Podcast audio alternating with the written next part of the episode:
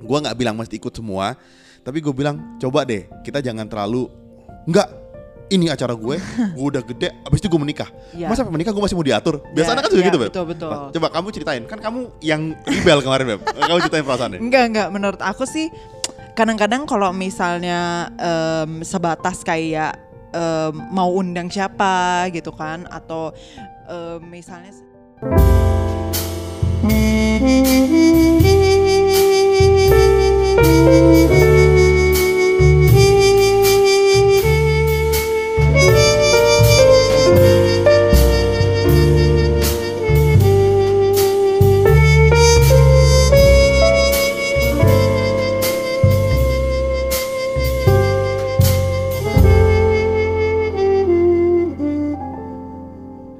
yes. tau gak sebenarnya waktu topik ini mau dibawa ini nggak relevan sama hidup sebetulnya Kenapa nggak relevan sama hidup? kita ngomongin budget pernikahan di tengah orang-orang yang nggak boleh menikah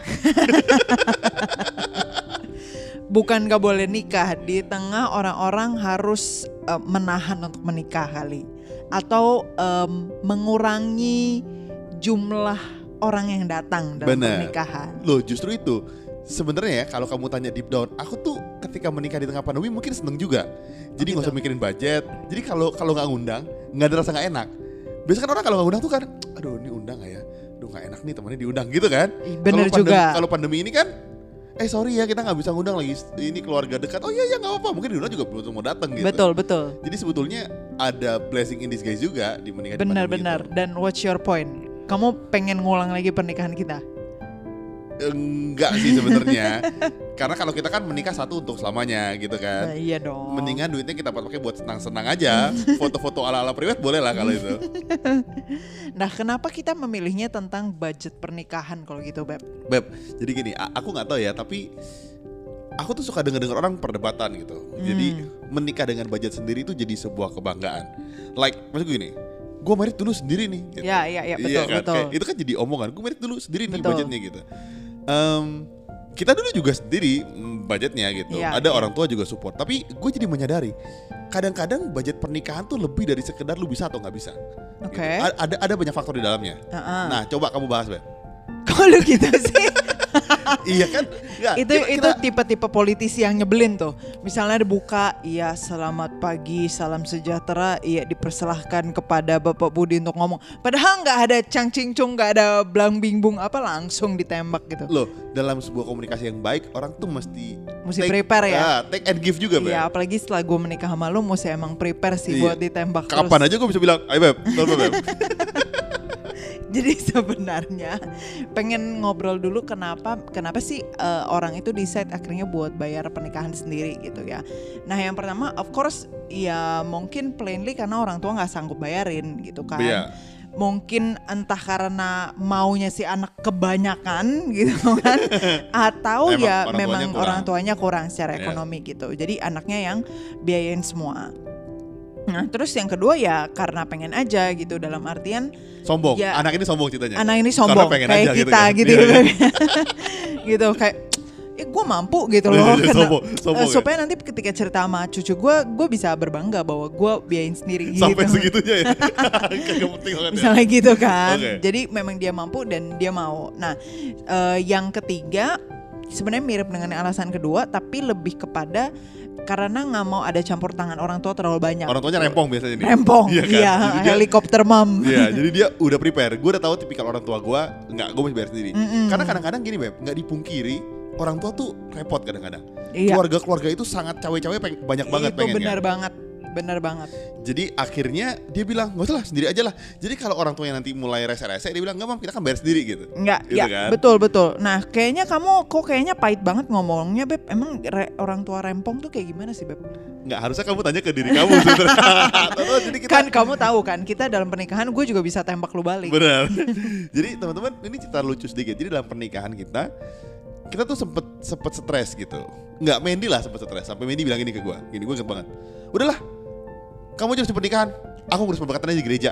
Aku nggak mau lagi ngurus pernikahan. Gitu kan? Ah. Jadi sampai Maksudnya resepsi, resepsi. resepsi. Mandy sampai ngomong ngurus lagi saking udah sebelnya gitu. Waktu itu konteksnya ceritanya kita lagi nyari-nyari tempat gitu kan. Iya, iya. Nah, waktu, waktu itu uh, eh, papinya Mandy memang masih karir lah, masih top, Uh-uh. maksudnya top of the top in perusahaan gitu kan. uh-uh. Satu, dua level di bawah owner kayaknya. Oh, owner mungkin ya. mungkin kayak kayak apa direktur sam eh, kayak General Director misalnya gitu. ya. iya kayak oh B- BOD terus Oh, papi gitu. Nah, jadi ketika kita mau merit, omongannya gini, aduh kemarin bosnya papi tuh meritnya di hotel ini. Aduh, eh, terus kan ki- kita kan kita kan sempat bawa survei gitu kan. Iya. Terus abis itu pulang kita makan bakmi, kita bilang gini, "Eh, Bud eh, bagus sih, cuman nah Mendy bete tuh mukanya tuh. Mendy bete tuh si papi sempat WA gue, Flegon sempat WA waktu itu adik-adik Ipan. Nah, Bud, ini deh papi tambahin uang segini, cari tempat lain gitu. kita bisa sendiri. Jadi Nyebelin. jadi jadi Mendy tuh sampai Dongkol. titik dongkol kan, kesel gitu kan, kesel. Jadi eh, kita kita jadi kita jadi sadar gitu kadang-kadang memang ada orang tua yang tanda kutip bukan pengen cawe-cawe tapi dia tahu pernikahan ini adalah kebanggaan dia. Hmm, Terutama Mendy anak pertama waktu itu. ya. Jadi papi mau nunjukin bahwa anak pertama gue merit ini loh hasilnya gitu. Iya benar. Anak pertama cewek gitu kan. Iya.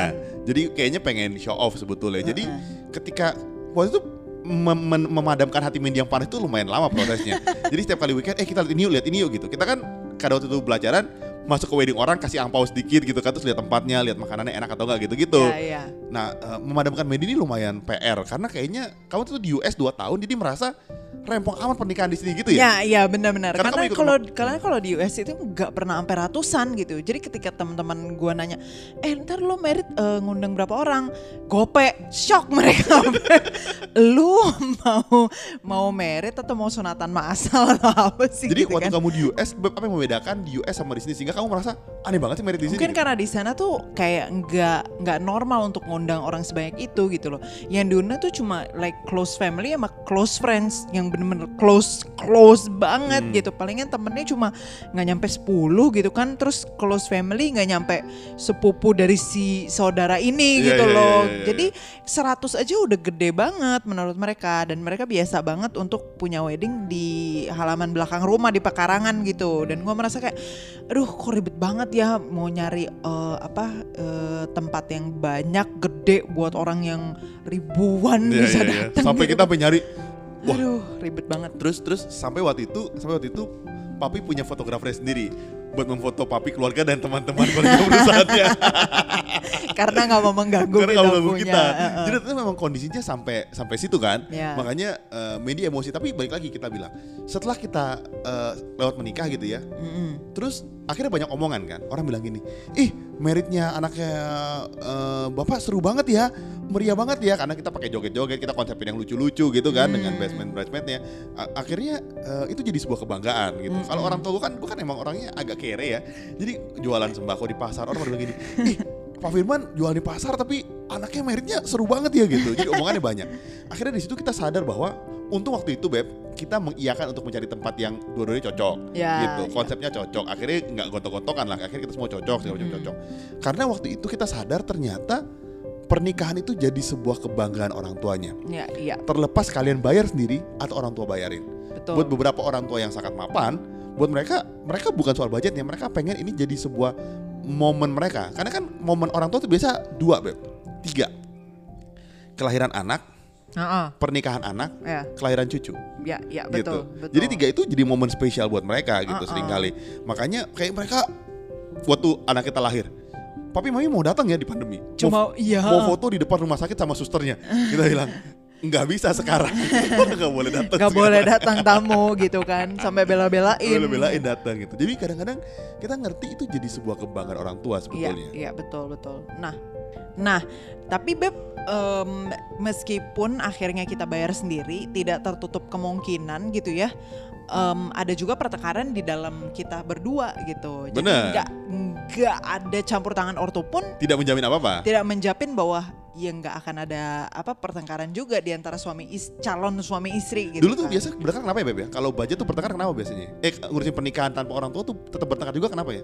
Dalam ngurusin vendor-vendor tuh kenapa sih? Kalau kita sih kebanyakan bukan bukan bertengkar karena budget ya, tapi kebanyakan karena ada detail-detail yang, aduh lupa mesti beli ini misalnya gitu, Hmm. aduh yang ini nih belum keurus gitu. Terus habis itu kamu sebel banget karena ini bagian gua ngurus tapi gua nggak ngurusin. Oh iya iya. iya. Oh iya. iya. atau Iya, bener, bener, atau sebenarnya sebenarnya bukan gua nggak mau ngurusin, gua ngurusin dalam my own time. Iya, Bener bener. Nah, nah, Budi itu tuh beda tuh. gemes, Budi Iya. tuh gemes, Bener, Budi tuh bener. lu kalau bisa selesai hari ini, Kenapa kenapa selesai hari ini sih selesainya? gitu. Iya, iya, iya. Sedangkan gue bilang, iya slow aja kali. Nah, iya, iya, iya. Eh, maksudnya hari ini gue ngelihat macet, ya udah minggu depan aja gitu pas nggak macet kita ke sana gitu. Bener. Nah itu itu tuh Bener, biasa bener. kita bertengkarnya kayak gitu. Jadi jadi eh, kadang-kadang antar pasangan pun jadi jadi big deal kan gitu. Mm-mm. Jadi beda dulu waktu itu kalau nggak salah paling hebatnya itu soal apa ya? Soal nganterin undangan waktu itu. Oh, iya. Nganterin undangan. itu parah gue mau nganterin undangan terus gue lihat di Google kan aduh macet nih maksudnya aduh gue udah capek udah seharian kerja terus masih nganterin undangan terus macet lagi "Ah, udahlah besok aja nah udah naik pitam langsung gue punya calon suami lu ngerjainnya cuma buat nganterin satu undangan doang gue nganterin yang lain terus lu masih aja Nggak. menunda-nunda Teman-teman kalian masih tahu, Gitu. nih gue kasih komprehensifnya ya. Jadi kantor Mandy sama rumah teman kita itu satu komplek. Enggak iya, sama-sama satu di Karawaci, beb. enggak satu daerah lah satu provinsi beb Enggak, satu satu kabupaten enggak, enggak. Jadi itu satu komplek Karawaci. enggak juga Tapi kayak kayak dia dia masuk ke klaster tertentu gitu ke dalam mungkin Nah. agak macet keluar lagi. Iya. Nah dia nggak ngasih-ngasih gitu. Menurut gua. karena gue waktu itu udah overtime maksudnya gue nggak on time eh, baliknya jadi lewat daerah situ tuh lagi macet Ya, jadi- Nah, jadi lu bayangin dong gue ada capek terus dimarahin ah udahlah terserah lagi terus akhirnya dia nganterin sendiri Harus diri gue kan kesel ya maksud gue tapi itu itu beda beda point of view. Makanya kadang-kadang eh, di luar budget banyak pertengkaran ya betul sebetulnya. betul. Jadi sebetulnya kadang-kadang yang bikin berantem tuh bukan cuma soal budget. Karena waktu Iya. itu kita udah kaya raya sebetulnya. Kita syuh, syuh. duit oh, banyak Wih, banget waktu gila, itu. luar biasa. Dari US Medi duit udah wah ada Wah, kali gila, triliunan kali hitung budget lah merit jadi waktu itu memang mostly berantemnya lebih karena waktu sebetulnya. Nah, sama Gitu. apa perbedaan ya timing lah gitu. Iya. Nah, tapi on the, on the other hand gitu ya. Menurutku sih aku lebih prefer kalau misalnya budgetnya itu dipegang sama suami istri sendiri gitu, sama pasangannya sendiri karena daripada sama orang tuanya daripada menambah jumlah suara yang harus dihitung. Ngerti gak sih?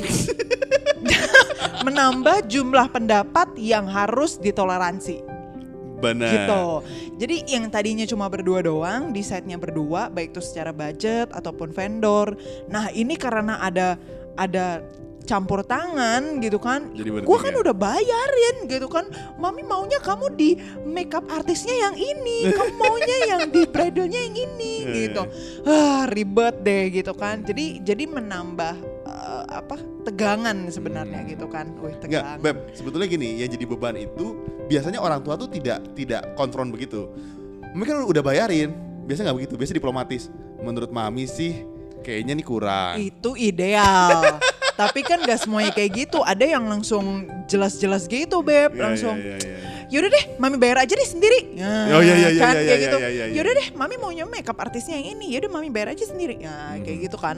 Jadi jadi serba sulit kan. Iya, Tadinya misalnya lu di Kelapa Gading, meritnya di Jakarta Pusat. Tapi gara-gara bridalnya mau makeup artis sama Mami yang ada di Jakarta Selatan, lu punya timing jadi jadi ribet Iya, gitu iya, kan. iya. Nah, menurut aku itu salah satu keuntungan Keuntungan kalau kita menikah sendiri Iya. kan. Tapi ada juga teman-teman gini, lu menikah sendiri, tetap orang tua pengen cawe-cawe. Kan ada juga beb, pasti gitu loh. Nah, ada juga. ti- Mm-mm. Sebenarnya itu itu itu balik ke balik ke tipikal gitu. Tapi kita mau bilang gini teman-teman. Kadang-kadang kalian mesti lihat kalau akhirnya abis kita merit kita jadi ngaca. Kalau kita jadi orang tua, jadi kan gua kan gua kan beridealis ya gue bilang gini. Kalau punya anak, udahlah lu merit pakai uang lu sendiri aja. Lu di mana orang tua ikut gitu. Iya, gue selalu iya. ngomong gitu. Terus gue jadi mikir juga, kalau gua tenar, terus gua bisnis bisnisnya sukses segala macam. Anak gua merit, gue juga pengen melakukan hal yang sama dong sebenarnya. Gue jadi mikir, pengen ngundang teman-teman gue Bener juga kan ya. bangga ya gitu. Bener, gue gue jadi pikir juga apa iya gue tidak mensupport anak gue Ya, dengan bahasa diplomatis nih, kopi tambahin, bebas deh kopi di mana gitu Ya, uh. segala macam. Jadi kadang gue pikir mungkin kalau nanti kita di posisi mereka, kita juga akan melakukan yang sama iya, gitu. betul, Cuman karena sekarang kita ngalamin kita sadar mereka tuh punya tipe pestanya sendiri gitu. Benar. Jadi kali kita bisa adjust sampai mana keadaan kita. Tapi Iya. gue yakin semua orang tua akan berpikir hal yang sama sebetulnya. Ya, ya. Langsung atau tidak langsung. Betul, betul, gitu betul, kan. betul. Dan dan memiliki budget sendiri pasti mengurangi campur tangan orang tua secara sungkan. Orang tuh jadi Iya. sungkan.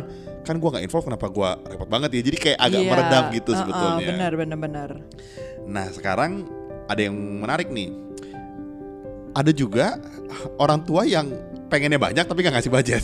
Ini teman aku juga ada nih ceritanya. Jadi jadi merit kan di di di gedung something.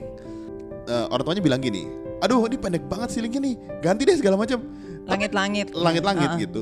Eh, tapi dia nggak ngasih budget, cuma bilang gitu doang. Mami maunya di tempat yang ini nih, tapi udah Nyebelin. budget apa-apa gitu kan. Jadi kadang-kadang anaknya jadi gua budgetnya di sini gitu, Heeh. ngomongnya gimana, jadi nggak enak gitu. Balik lagi ngerti sih banget orang tua, tapi kadang-kadang memang ada juga yang yang sampai level Iya, itu iya, sebetulnya. betul, betul. Atau ada juga yang ekstrim ini juga banyak juga teman-teman nih.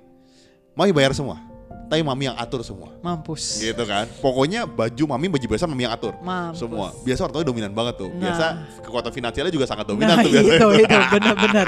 Nah itu berarti power of politicsnya juga kuat banget tuh Juga biasanya kuat banget tuh di- biasanya. di, Indonesia tuh.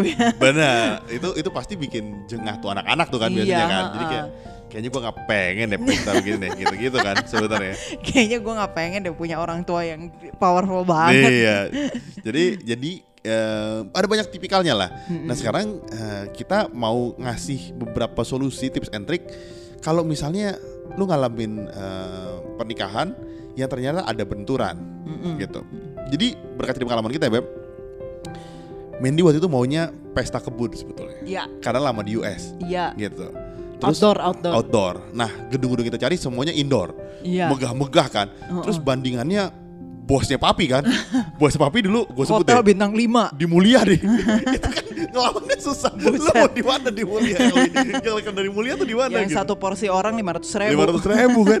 gitu. Akhirnya Itu budget makeup artis kita ya. Nah, jadi akhirnya akhirnya kita berpikir kita coba cari tempat-tempat tertentu yang memang bisa mengakomodir keduanya. Ya, Pesta kebunnya menarik, gedung-gedung menarik, ada gedungnya juga. Akhirnya ketemulah tempat semi outdoor. ya. Jadi kadang-kadang teman-teman, kadang-kadang kenapa sih orang tua berdebat sama kalian? Karena orang tua referensinya terbatas. Hmm. Dia kan eh, orang tua ya, maksudnya udah tua, udah mungkin Iya, 50 60 tahun. Iya, benar benar. Jadi referensi tempatnya terbatas. Mungkin kalian punya tempat lain yang bisa mengakomodir keduanya. Iya. Itu yang pertama. Yang kedua, soal budget menurut kita gini. Misalnya kalian punya budget tertentu, orang tua kalian eh, bilang di sini aja deh gitu. Hmm. Kalian bisa bilang, kita nih punya budget segini, tempat kita sanggup di sini. Kalau papi mau support, kita akan tambahkan di hal-hal lainnya yang mungkin bisa membuat sesuatu lebih baik gitu Ya, keadaannya. itu bisa tuh. Iya kan? Jadi misalnya ada satu tempat menarik beb, aku sebut aja di uh, gedung OT kalau nggak salah di uh, Cengkareng. Dia tuh indoor tapi ada rooftopnya. Hmm. Jadi bisa bisa ada tempat weddingnya gitu, Iya, ada iya, rooftopnya, ada indoornya, ada outdoornya. Jadi kadang-kadang kita tuh butuh banget tempat-tempat yang kayak gitu kan, mengakomodir Iya, semuanya iya, supaya nggak akhirnya nggak pernah satu gila gua jadi kalah nih Iya, gitu kan. benar Menurut benar gue benar. jadi sayang. Nah terus yang ketiga, gue bilang gini teman-teman, menikah itu kebanggaan orang tua. Mm-mm, mm-mm, Jadi gimana pun, coba kalian ikut kalau kalian di posisi mereka gitu. Gue nggak bilang mesti ikut semua, tapi gue bilang coba deh kita jangan terlalu nggak ini acara gue, gue udah gede, abis itu gue menikah. Iya. Masa menikah gue masih mau diatur? Ya, Biasanya kan sudah ya, gitu, Beb. betul, betul. Coba kamu ceritain, kan kamu yang rebel kemarin, Beb. kamu ceritain perasaannya. Enggak enggak menurut aku sih kadang-kadang kalau misalnya em, sebatas kayak em, mau undang siapa gitu kan atau em, misalnya secara jumlah mungkin lebih besar daripada yang kalian tetapkan gitu. I think it's it's fine sih gitu untuk Betul, betul. membiarkan gitu karena em, in a way ya itu merupakan kayak kebahagiaan mereka juga iya, untuk setuju. bisa melihat bahwa ya anaknya juga bahagia gitu loh yang udah gua besarin gitu Hmm. dan susah capek gitu kan apa ganti popok dan nyusuin gitu. Waduh, kondisi relatable banget sekarang ya. Nggak, maksudnya in a way sebenarnya kalau sebatas kayak ngundang orang sih I think it's fine gitu ya karena kan tidak terlalu banyak berimbas pada uh, your dream wedding sebenarnya I palingan mungkin see. ya lebih sempit dikit iya, gitu iya, iya. atau mungkin ya budgetnya lebih banyak dikit di soal makanan Iya, gitu iya. tapi bisa lu menemukan kebahagiaan sendiri di misalnya ya bridal yang lu pilih, Iya. dokumentasi yang lu pilih, tempat yang lu pilih gitu. Itu menurut aku sih itu salah satu kayak Pertengkaran em, kemarin. Pertengkaran kemarin dan satu hal yang bisa ya gue let oh, let go lah gitu. Iya, iya, ya iya. ya udahlah gitu dia mau undang 500 misalnya enggak sih enggak sampai undang Nggak 500 nyampe, misalnya 100 gitu ya ya udahlah gitu So- soalnya bener jadi teman-teman ini yang mesti perlu gue merasa kadang-kadang anak-anak muda kita tuh idealis bilangnya ini eh, pesta gue masa gue masih diatur gitu? Iya, iya. tapi kadang-kadang orang tua lu tuh pengen banget apalagi anak pertama gitu ya. Kayak tradisi eh, ras tertentu gitu ya etnis tertentu itu jadi sebuah kayak pesta kemenangan gitu. Menikahkan anak pertama tuh pesta kemenangan. Jadi- Iya. jadi lu mesti lihat itu sebagai sebuah penghargaan sebetulnya ke Iya, orang tua. benar, jadi benar. untuk hal-hal yang gitu nggak usah didebatin lah. Gitu. Kayaknya Mendy udah bertobat dulu. Mendy boy harus gue mention ini. Karena momen itu membekas ya thanks beb. Kamu aja urus resepsi. Aku nggak mau aku mau berkatanya di gereja. Gue kayak hah? Mampus gue mampus gue itu hamin berapa? Gitu kayak repo enggak banget lah masih lama itu setahun yang sebelumnya. Nah em, ini kita mau bahas hal yang menurut kita penting. Karena kita juga realize setelah kita tiga tahun menikah ini penting. Mau budget berapapun betul. Yang penting after wedding. Ya. After wedding tuh bukan cuma soal rumah ya. mobil tapi soal dokumentasi menurut kita. Itu salah satu yang menurut aku penting juga sih Hmm. kayak kalau misalnya lu punya budget terbatas tapi lu mau apa ya mau mengabadikan momen itu dengan baik salah satu yang perlu lu budgetin ekstra ataupun diperhatikan lah gitu ya mungkin bukan ekstra tapi ini menurut aku mesti ada Iya, gue concern banget sama ini. Gue mesti Mm-mm. kenal banget itu nih. menurut aku yang buat dokumentasi sih Hmm. karena punya em, misalnya lu punya budget untuk ruangan atau dekor itu terbatas tapi kalau punya lu punya fotografer cantik dan ahli Hmm. Lu mau dekor sebatas apa pun Dia bisa, bisa bagus. jadi cantik Iya, gitu loh. dan itu merupakan kenangan yang baik yang bakal lu simpan selamanya gitu. Lebih daripada sekedar menurut aku sih ya sekedar kayak oh di hotel mana? Iya, iya, gitu iya. bikinnya. Atau wah dekornya sampai eh, tiga lapis 3D gitu kan. Menurut aku itu lebih Iya, gitu. iya, iya, iya. nah jadi punya foto atau video yang memorable itu em, salah satu hal yang penting sih buatku Ini ada yang menarik. Jadi ada ada orang cerita gitu ya. eh, kita paket foto ke Bali. Dulu kita pernah mau ikut ada paket foto ke Bali naik unta gitu. Waktu itu sempet gue pengen banget nih naik unta soalnya. naik eh, apa ke Bali naik unta Iya jadi di sampai Bali setahun kali beb baru nyampe beb Eng- enggak. Eh, Wah dia kerjain gue. Kita ke Bali ada foto sama unta. Waktu itu sempet pengen Iya, banget kan. iya, bener, bilang, di "Tapi cuman- pasir-pasir." Cuma 10 menit gitu dia bilang karena untanya pusing kena blitz. Waktu itu gue gitu gue kata gue kayak memorable. penting Terus banget eh, abis dari situ kita kan nggak pakai karena mahal gitu ya. Terus kita foto, fotografer ada yang bilang gini, orang foto ke Bali gitu ya, fotonya cakep. Biasa orang lihat gini, orangnya kecil, pemandangannya gede gitu. Ya orang tuh pemandangannya gitu. Ih, Ini banget. foto di mana gitu. Iya. Akhirnya kita sadar kan, Ih bener juga ya. Yang di capture kan mestinya kita sebetulnya, bukan Iya. pemandangannya gitu. Iya, bukan betul. soal lu foto di mana gue yang ngomong sih Oh, sebenarnya Beb. main dia ngomong. Makanya dari situ kalau kalian lihat foto-foto kita ya, gua ada foto terbang kayak Superman, pakai jas wedding gua, gua ada foto lucu-lucu pokoknya. Akhirnya gue jadi sadar, yang penting tuh sebenarnya momen dia bisa capture kebahagiaan kita sebetulnya. Iya kan? Iya. Itu yang penting. Jadi bukan sekedar tempat lu di mana, gede lu di mana, tapi kebahagiaan kita. betul Kalau ngomongin soal rumah dan teman-teman, menurut kita kalian semua punya pandangan masing-masing ya. Tapi Ya. kita sih pasti berprinsip jangan sampai misalnya kalian wedding abis ratusan juta misalnya gede, tapi ternyata rumahnya ngontrak gitu. Ternyata kalian belum punya tempat tinggal proper, belum punya akhirnya bingung mesti di mana gitu. Gua rasa nggak wise juga gitu. Kalau misalnya udah punya tempat segala macam ya that's okay gitu. Karena Betul. after wedding itu pertengkaran lebih banyak. Ya. Tiba-tiba angpau nggak nutup, tiba-tiba kalau nggak mungkin sih kayak nggak mungkin nutup apalagi lu masih ngutang misalnya buat wedding nah itu PR banget tuh gua soalnya aku, aku ada temen setiap tahun dia posting wedding anniversary dia. Gua liat weddingnya gila keren banget. Orang tuanya di daerah di Jawa Jawa situ daerah. Gila keren banget. Tapi begitu lihat setelah weddingnya ya rumahnya kayak nggak nggak sebanding sama foto weddingnya kemarin jadi maksud gua sayang ya sebetulnya kalau budget segede gitu bisa simpan untuk bisa punya hidup yang lebih baik sebetulnya Benar-benar, gitu. mendingan kalian memikirkan ses- eh, hal yang lebih long term lah Iya. gitu. Kalau wedding kan kalian only one day ya menurut aku. Tapi kalau misalnya secara long term pernikahan kalian ya for the rest of your life gitu. Jadi itu yang perlu juga menjadi satu pertimbangan dalam memutuskan budget sih. aku juga suka sama foto priwet yang bagus tuh menarik karena biasa kita kenang terus tuh Iya. kayak itu jadi seru kan foto Benar, itu. benar. Jadi aku cuma dua concern, satu priwet, satu lagi wedding kiss aja. Jadi gua akan Wow. hire khusus fotografer buat wedding wow. kiss aja. Wow. Jadi bisa mesti mengcapture eh, aura apa ya? Desire itu loh Beb, banget. Jadi Jangan-jangan lu punya lu ada ada kissing trainer beb untuk mentrain cara supaya eh, tekniknya bagus dan tepat. sebenarnya kissing trainer untuk ngambil angle-nya tuh pas gitu. Jadi kelihatan cowoknya nggak nafsu banget tapi nafsu padahal. Dasar sedikit error nih. Oke, kamu ada tambahan lagi ya? Enggak, enggak udah udah. Jadi buat temen-temen yang mau eh, curhat sama kita, kalian bisa email kita ke mana Beb? pilotalk.podcast Salah Beb. pilotalkpodcast.id at gmail.com Dan bisa email kita, eh bisa DM kita ke mana Beb? sama TikTok juga di at pilotalk.podcast Jadi sampai situ aja. Sampai ketemu minggu depan See ya. Kalian tahu nggak sih rahasia bagaimana kita berdua bisa bikin konten setiap minggunya secara rutin? Ternyata rahasianya ada di Nasi Padang. Jadi, gengs, tiap kali si Budi itu makan, Nasi Padang. dia punya kemampuan berpikir dan kreatif itu semakin meningkat. Jadi, kalau kalian mau beliin kita, Nasi Padang. boleh ke karyakarsa.com slash pilotok ID. Tenang aja, aku kalau nasi padang tuh murah kok. Nasi, sayur sama kuah, paling 10 ribu. Iya, karena kemampuan perut Budi akan bertambah dengan cepat kalau dia makan karbohidrat aja. Jadi, jangan lupa ke karyakarsa.com slash pilotokid untuk support kita ya.